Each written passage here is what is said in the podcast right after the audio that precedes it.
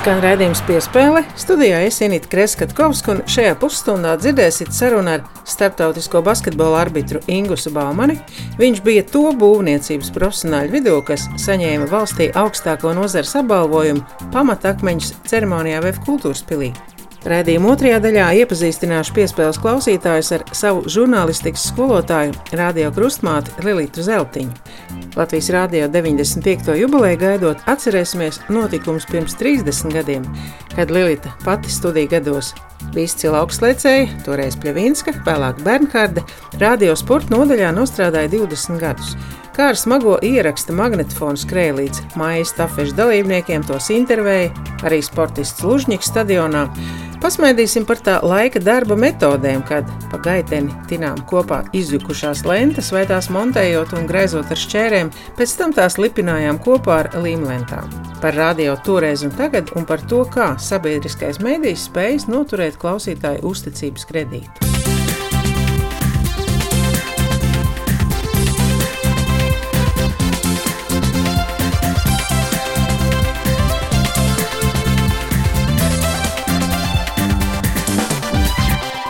Šomēnes būvindustrijas izcilniekiem pasniegti 12 pamatakmeņu ceremonijā VF kultūras pilī.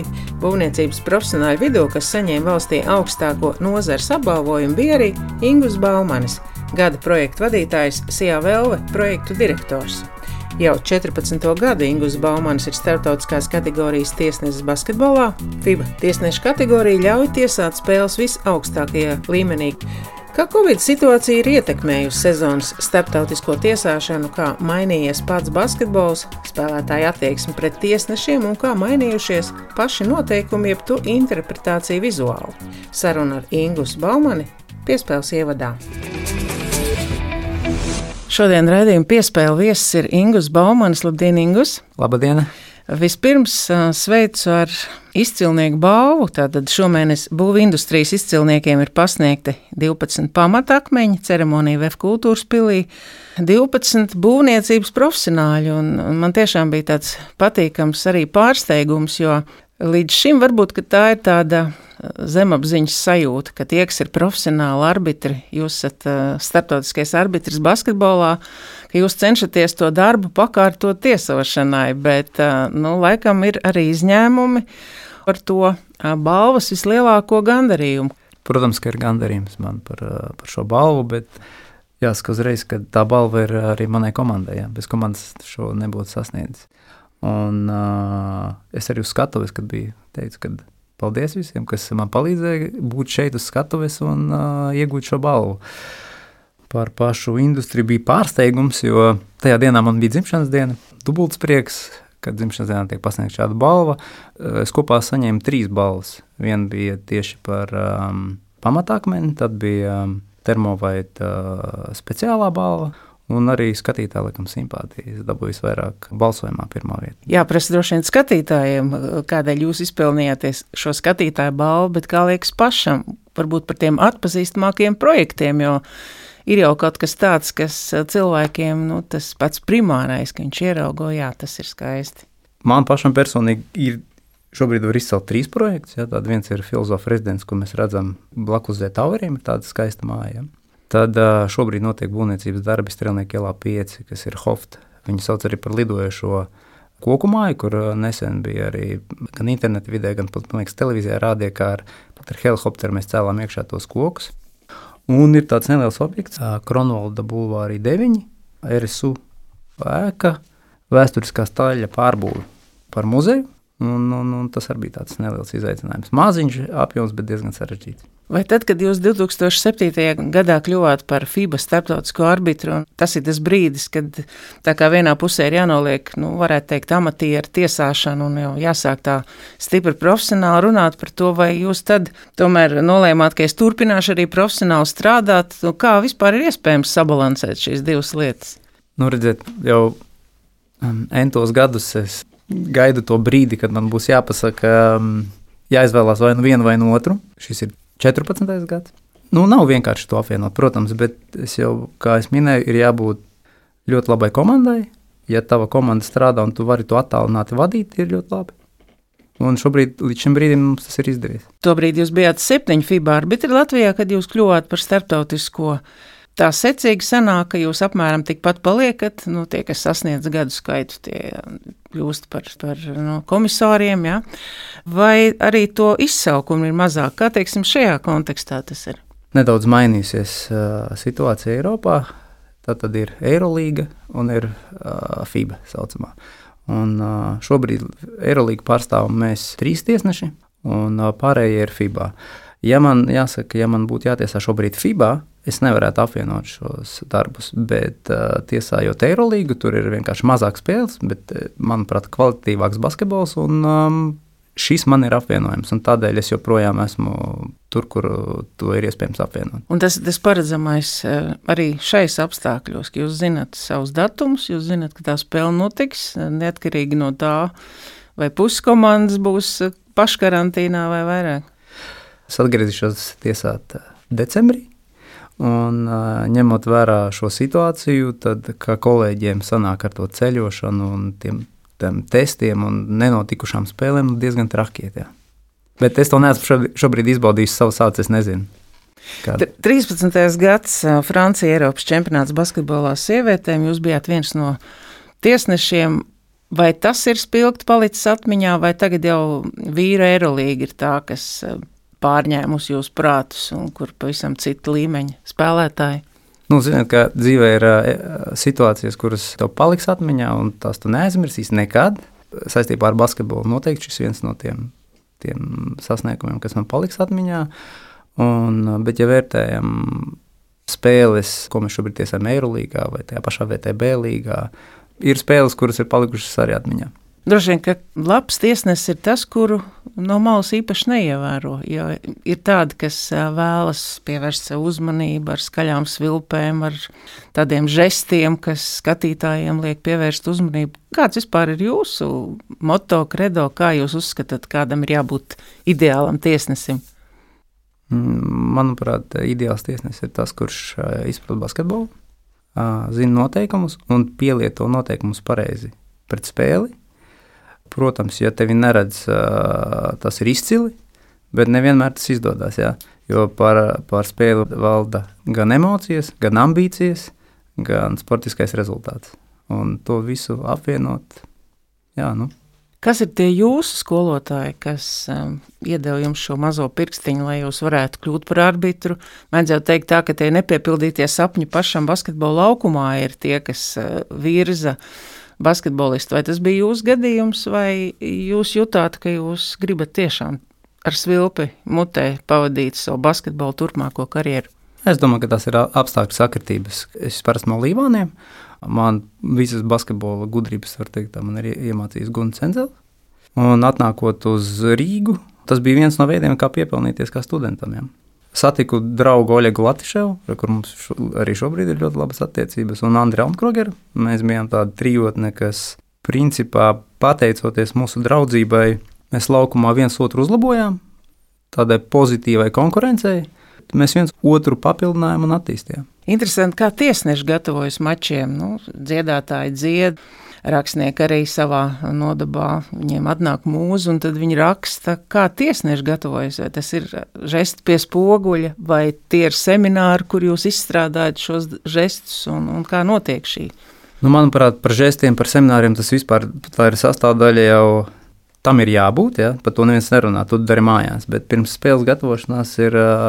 Tātad, tu zini abas komandas, Īpaši, ja mēs braucam uz tiesātu Zēru-līgu ja, nu, vai, vai Eiropas, ja tur tas komandas bieži nemainās, tie spēlētāji tur rotē no vienas uz otru komandu. Tu izanalizē abas komandas, sagatavojies pirms spēles. No rīta mums ir mītīņš, viņš ir ilgs kaut kādu pusstundu, kur mēs kopā ar visu komandu sagatavojamies, izrunājam detaļas, kam jāpievērš uzmanība, bīstamie spēlētāji Tā tad tie ne tikai tie, kas tur rupji spēlē, bet tie paši arī, kas simulē sodus. Ja? ja ir bijis iepriekš, ja tie playoffs, tad kas ir bijis iepriekšējā spēlē, kas nāk līdzi jau emocijas. Ja? Tā kā ļoti nopietna sagatavošanās pirms spēles. Mēs izējām laukumā, mēs principā ļoti daudz ko zinām, maz pārsteigumu. Tātad Nākot uz interviju, mums žurnālistiem ir jāsagatavojas, jāuzzina daudz vairāk par pašu intervējamo, nekā varbūt viņš pats domā. Un ir arī atgriezniskā saite, noteikti, ka sportisti cer uzzināt, kas te man tiesās, à, šo tiesnesi es varētu varbūt mēģināt vairāk būt aktieris laukumā, un šo nē, jo es varu saņemt tehniskās piezīmes. Arī tāds process noteikti ir. Droši vien. Cik es zinu, īpaši tie treneri, viņi zina, pie kura viņš var atļauties vairāk, pie kura viņš var atļauties mazāk. Tāpat arī spēlētājiem. Ja es būtu spēlētājs, droši vien arī tāpat. Kas vispār basketbolā ir mainījies? Kas tiesneša noteikumos? Jūs tiesneši esat tie, kas šo spēli vada, organizē, liek rāmjos. Kāda varbūt ir šī startautiskā tendence? Tad viens no tādiem pamat novirzieniem, uz ko šobrīd tiek strādāts, ir komunikācija. Jo ar komunikāciju ļoti daudz ko var sasniegt. Par pašu basketbolu. Nu, basketbols ir ātrāks, fiziskāks un izsakot līdzi tiem atlētiem šobrīd diezgan grūti. Tādēļ ir jāstrādā pie tehniskām lietām, pie mehānikas, jā, jābūt īstajā vietā, īstajā laikā. Tev jāparedz. Un, ja tu esi, tad viss izdodas. Ja tu nokavē, nu, tad tur jau sākas jautājumi. Jums tiesnešiem arī jābūt fiziskā formā. Nu, jūs teicāt, jums šobrīd ir trauma, bet kas ir tas ikdienas treniņš? Jums ir skrējiens, jums ir trenižera zāle, kā jūs paši sev uzturat formā. Mums nav nekādas programmas, nav nekādi uzdevumi. Mums ir, ir iedots polāra pulkstenis un tā siksniņa, pēc kuras treniņos mums seko līdzi, kādā mēs esam fiziskajā kondīcijā. Vai mēs tur ejam uz trenižera zāli, vai mēs skrienam ārā pa mežu, vai mēs braucam ar riteni, vai mēs spēlējam basketbolu. Nu, tas ir no katra atkarīgs. Tev pašam jāzina, Tu esi profesionāls, tev ir jābūt fiziskajā formā, tev jānokārto testi, tev jāizpilda vismaz minimālā programma, kas ir nosprausta no fiziskās sagatavoties treneriem, kas ir piesaistīti katrai līgai. Un mūsu sarunas noslēgumā arī parunāsim par svilpi, jo svilpa arī ir jūsu nu, darba neatņemama sastāvdaļa. Vai ir svilpes, kas ir saliktas goda vietā, un to ir daudz, vai ir kāda īpaša svilpe, kurai jūs dodat priekšroku? Un arī vai kāda no svilpēm ir uh, stipri ietekmējusi spēles rezultātu, un jūs to atceraties, un, un tā ir īstajā brīdī un īstajā momentā nosvilpāties. Es nezinu, šīm lietām nepievēršu uzmanību. Agrāk man patika mm, kāda svilpe, kur bija skaļāka, asāka, bet šobrīd svilpe tevi nepadara par labāku tiesnesi. Ja? Tā, tā ir sastāvdaļa, tā ir basketbola sastāvdaļa. Ja? Vai jums ir kāds tiesnesis, ar ko jūs jūtaties labāk laukumā, vai kā notiek arī šī saskaņa? Tad, kad saņem nozīmējumu, un tu redzi, ka tev jātiesā ar tiesnešiem, praktiski mēs viens otru jau ļoti labi zinām. Un tu zini, nu, ka šeit būs ambīcijas kaut kādas nāks ārā, ja tu mēģinās kaut kādā veidā ietekmēt. Bet ir tiesneši, kuriem zini, ka tu jutīsies brīvi un uh, spēle noritēs raiti. Un, uh, ja arī būs kaut kādas problēmas, mēs viņus atrisināsim ļoti vieglā veidā. Vai ir kāds um, treneris vai spēlētājs, kuru jūs gribat izcelt, ar kuru vienmēr ir patīkami strādāt, kas atzīst savus kļūdas? Un, protams, ir arī attraktīvie treneri, ir tādi, par kuriem klipus uzņem, kas vienmēr cenšas arī kādu literāru atziņu atstāt pēc mača skaļā balsī. Katrā spēlē tev ir kaut kas jāuzlabo, jāattīsta. Jo grūtāks treneris un uh, viņš nāk ar kaut kādu savu spiedienu ar saviem tekstiem un tā tālāk. Tāpat arī spēlētājiem. Tas jau mums tikai padara labākus. Mēs mācāmies ar katru situāciju. Labi, šoreiz kļūdījāmies, bet zinām, nākamajā reizē mēs uh, uzlabosim savu situāciju. Bet uh, tā kā es um, nāku no Līvāniem, es spēlēju kopā ar Raimondu Vaikuli, un treneris bija Guntis Enzels. Ir bijusi spēle Latvijas līgā, kad Raimonds spēlē pretiniekos, Enzels ir pretinieka treneris, un es tiesāju, man tā ir bijis. Un tad bija vienā brīdī Raimons bija arī komisārs. Bija, es biju tiesnesis, Guntis bija treneris un Raimons bija komisārs. Arī šāda situācija ir bijusi. Labi, es jums saku lielu paldies, ka atnācāt uz studiju. Atgādinu, ka Ingūns Baumans šodien bija raidījuma piespēle viesis, jo šomēnes būvu industrijas izcilniekiem pasniegti 12 pamatakmeņu ceremonijā kā balva arī Igaunijas brauciens ar eh, remirenti. Ja? Jā. Tā kā balva. Un starptautiskais arbitrs basketbolā, eh, lai veselība, un mēs jums vēlam jaukas spēles, īstās svilpas īstajā brīdī, un lai basketbols vienmēr jums ir prieks un arī, protams, darbs turpmāk. Paldies! Paldies jums arī! Pēc labi nobrauktiem mačiem un tieši no radio, no radio sporta raidījumiem. Tie ir tie pirmie cilvēki, kuri ar maniem runā. Varbūt es esmu sākusi arī sevi kā basketbolistu novērtēt vairāk. Šodien raidījumā piespēle man ir milzīgs prieks sveikt šeit studijā savu žurnālistikas skolotāju un radio krustmāti Lilītu Zeltiņu. Labdien, Lilita! Labdien! Nedaudz izgājām ekskursijā Tu esi 20 gadus nostrādājuši šeit, pēc 30 gadiem atgriezies. Kādas ir tās pirmās emocijas, uh, staigājot pa radio telpām? Tas vairs nav tas radio, un tomēr laikam kaut kas kņud. Ir jau tas pats, teiksim, remonti jau nemaina būtību. Izstaigājām vietas, kurās es pati strādāju. Protams, ka ir tehniski mainījies ļoti daudz. Tādu studiju mums nebija, nebija arī eiro remontu, nebija bet uh, atmiņās ir tikai palikusi mana darba dzīve šeit, mana, mani skaistākie gadi, jo praktiski es citur nemaz neesmu strādājis. Šie 20 gadi pagāja šeit. Es uh, vilku tādas paralēlas, jūs toreiz bijāt trietā. Tu, sieviete un divi vīrieši, mēs šobrīd arī esam trijotā, es un divi puiši, viņi gan ir jaunāki. Toreiz jums tā proporcija bija pretēji, tu biji jaunākā un vīri bija vecāki, vai ne?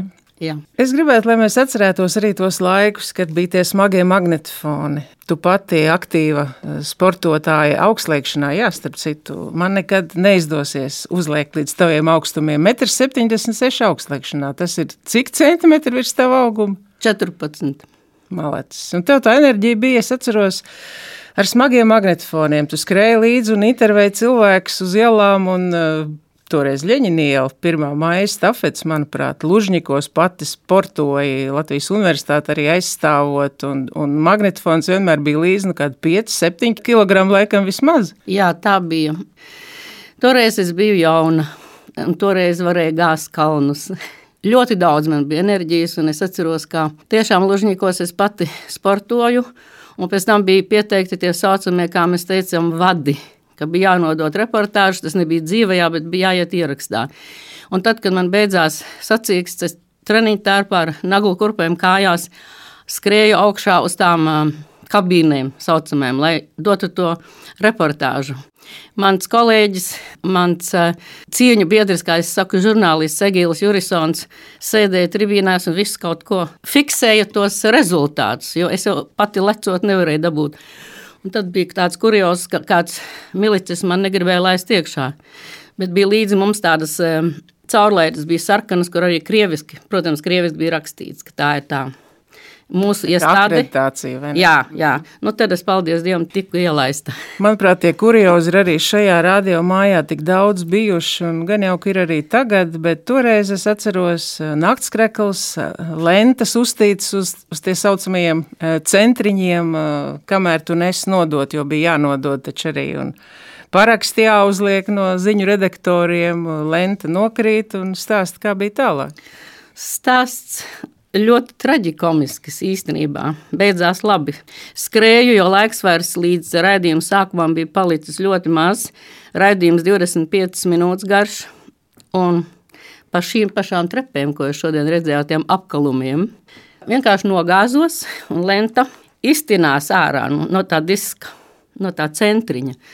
Protams, skrēja pie tehniķiem augšā, asaras acīs, rokas drēb. Nu, ko darīs? Puiši izdarīja. Satina visu, nu, raidījums sākās mazliet vēlāk, bet viss notika. Tā mehāniskā darbība, lentes, taču mēs griezām ar šķērēm, līmējām ar līmplēvēm, uz mehāniskās mašīnītes drukājām ar tādiem papīriņiem, sitām tos defektiņus, lai neredzētu, telefonu sarunas eh, pieteicām. Nu, tas viss tagad liekas diezgan tā neticam, vai ne? Jā, man pat nav priekšstata, kā jūs strādājat. Tiešām, ja man būtu tagad jāatnāk un jāsāk, man būtu jāsāk no nulles. Tas nenozīmē, ka es nepārzinu tehniku vai iPhone vai computeru, bet tā, tā ir cita dzīve. Pavisam cita. Tavs lielais plus bija literatūra, arī spīdols balva un iespēja būt Brazīlijā. Varbūt nedaudz arī par šo laiku, jo protams, kā žurnālistam, kas pareizi runā, tas ir ļoti būtiski. Un, manuprāt, tu vienmēr esi arī tam pievērsus uzmanību. Lai... Jā, nu, es beidzu filozofijas fakultāti 72. gadā. pirms tam es sāku strādāt arī šeit. Rakstīju diplomu darbu, sēdēju tajā istabiņā, kur es pavadīju visus 20 gadus. Rakstīju diplomu darbu un sāku strādāt. Un tad pakāpeniski sports, un tad kaut kādā veidā man bija māsīca Brazīlijā, un lēnām, lēnām viss tā sākās, ka bija iespēja kaut kādā veidā nokārtot lietas, lai varētu aizbraukt un iepazīties ar emigrāciju tur. Tad es mācīju latviešu valodu tiem emigrantu bērniem un intervēju cilvēkus, un ārkārtīgi daudz savedu kopā ģimenes, kas Latvijā, kur nebija iespējams tad iepriekš. Un 90. gada sākumā bija iespējams. Es savukārt atceros, ka tu portugāļu valodu mācījies, lai varētu viņiem tur pasniegt latviešu valodu. Jā, tādi laiki arī bija. Tulkojot caur vācu valodu, nu, tā kundze arī ar latviešu saknēm, un tad bērni, bērniem mācīja latviešu valodu. Kuriozi arī tur bija. Es domāju, ka es iestādīju kādas saknītes, interese par um, Latviju. Tagad jau ir biedrība Brazīlija un cilvēki brauc. Un... Turpina lapot tas koks. Jā, jā. Es ļoti priecājos par to. Par tavu pienesumu, tu iesāki sporta veterānu sižetus. Um, vispirms vajadzēja apjaust, cik viņi ir, kur viņi ir. Tu brauc intervēt. Kādu to laiku atceries? Jo bija 15 minūšu sporta ziņas vakarā, ieraksti bija daudz garāki. Pat ar turpinājumiem nākamajās sporta ziņās, tagad mēs par to smejamies. Bet nu, tāds bija laiks. Tas bija interesants laiks apzināties vēl 90. gadu sākumā, kad sāka braukt arī sportisti, vispār emigranti no Amerikas, Kanādas, no Eiropas. Tie, kas droši vien vairs nav starp mums. Bija interesanti viņus nointervēt, jo vietējos jau tas nebija problēma. Mēs piedalījāmies arī tajos pašos pirmsākumos. Pirms Latvijā tika atklāts pirmais golfa laukums. Atceros, um, Amerikas Latvijas uh, doktors Kegī bija tas, kas mēģināja Jaunciemā, manuprāt, mēs braucām viņu intervēt, un, un tā, tie bija tie paši pirmsākumi, bet tā ar tur golfa laukums laikam netap. Cik es zinu, tad laikam ne. Par to skatu no malas, kad es intervēju Inetu Radēviču, viņa teica, es kādreiz, nu tā kā to arī bija vieglatlēti, Viņa teica, es apsēdos tribīnēs un skatījos uz to visu no malas, un, un tu zini, ir daudz mierīgāk tā sajūta, uh, tad, kad tu pats skrien un sporto, liekas, nu, tas ir pats svarīgākais, kas var būt. Tagad ar skatu no malas eh, uz rādio pavērojot. Tev ir arī dzīve iegrozījusies tā, ka tu esi gan Amerikas Savienotajās valstīs, gan šeit Latvijā. Cik tavuprāt ir liela tā loma radio un, un vai tas tev ir būtiski arī tagad? Jā, protams, es cik ir iespējams paklausos Latvijas rādio viens un divi kādreiz, un esmu lietas kursā, man patīk, un es domāju, ka sabiedriskais radio ir bijis, ir, un tam ir jābūt, jo tas ir zināmā mērā audzinoši, informatīvi, valodas ziņā. Tur es varu mazliet varbūt kritiski izteikties, jo tad, kad mēs sākām šeit strādāt, mums bija ļoti, ļoti valodas kontrole un mācība. Nevarēja tā laist, tā kā saka, burbuļus. Mums bija Antonija Apele, mums bija laba skola apakšā, universitātē. Es mācījos filozofijas fakultātē. Man liekas, ka valoda nekliboja tik daudz. Valoda jau attīstās. Es nesaku par tiem varbūt jaunu vārdiem, bet tā ļoti, ļoti piesārņota valoda šobrīd, man liekas. Jā, man pagāja diezgan ilgs laiks, kamēr es sapratu, kāpēc visi lieto vārdu burbulis un burbulis un tur burbulis, kamēr, nu, protams, konteksts ar, ar Covid, bet, nu, kā tev liekas, laiks mainās, valoda mainās, arī amerikāņu vārdi jau laikam mūsu sadzīvē ienāk? Ļoti daudz, tā kā krievu valoda, jā, tā arī, man liekas, angļu valoda īpaši jaunos paklausoties. Nu šķiet, ka laikam viņi pārāk daudz skatās tos aparātus jaunos, vai ne, un sarakstās savā starpā arī, un kaut kā tagad ir otra galējība ar to angļu valodu. Bet mums taču brīnišķīga sava valoda ir kurā man šķiet, var izteikties tikai būdams, ka tu esi latvietis. Atgādinu, ka šodien redzējumā piespēle Lilita Zeltiņa, man žurnālistikas skolotāja, radio krustmāte. Es noteikti gribu pieminēt, jo es atceros tavas garšīgās um, pizzas uh, no kārtainās mīklas. Droši vien, ka arī tavu mamīti mēs varam pieminēt uh, Kautsmindas skola un tiešām tik garšīgi, gan tie pierādziņi, gan mūsu tajā sporta istabiņā. Nu, tie bija svētki. Jā, mēs pratām ar to mazumiņu, kas mums bija salīdzinot ar šodienu. sarīkot svētkus, brīnišķīgus. Jā, man patika gatavot, un vienmēr, kad nāca vārda dienas un dzimšanas dienas, un arī citiem bija kaut kā pietika laika, toreiz enerģijas, ne tikai rūpēties, nākt uz darbu, trenēties. Tad, kad man bērni nāca pasaulē, tad es vairs nesportoju aktīvi. Bet visam laika kaut kā pietika. Pietika arī līdzekļu. Mēs nekad neraudājām, ka mums nav naudas, jā, ka mums vajag to un to. Mēs iztikām ar to, kas ir. Un bijām laimīgi. Bet es domāju, ka dzīvais vārds noteikti paliks. Ne visi lasīs, tāpat kā sacīja, nebūs avīzes, nebūs žurnāli, nebūs tas. Nu, būs jau kādu laiku. Neviens jau nezina, cik ilgi, bet es domāju, ka rādio ir bijis, un rādio ir tāds, kuru var lietot. Tu brauc automašīnā, tu sēdi, kā es, piemēram, virtuvē, gatavoju kaut ko, es ieslēdzu. Amerikā CNN ir tas, kas uh, dominē. Televīzija ļoti maz. Tad, kad braucu automašīnā, tad es klausos radio. Dažādus. Nu, pārsvarā varētu teikt mūziku. Bet tur tādi tā kā, vietējie mūzikas kanāli ir, bet visu laiku ir arī ziņas. Ja? Katrs var izvēlēties, vai viņš klausīsies pārsvarā demokrātu runas vai republikāņu, vai klausīsies kaut ko pavisam citu specifisku mūziku un specifiskus raidījumus. Cilvēki ļoti daudz pavada automašīnās, Amerikā. Tālbraucēju šoferi un cilvēku, kuri ir saistīti ar riteņiem. Viņi klausās tikai radio.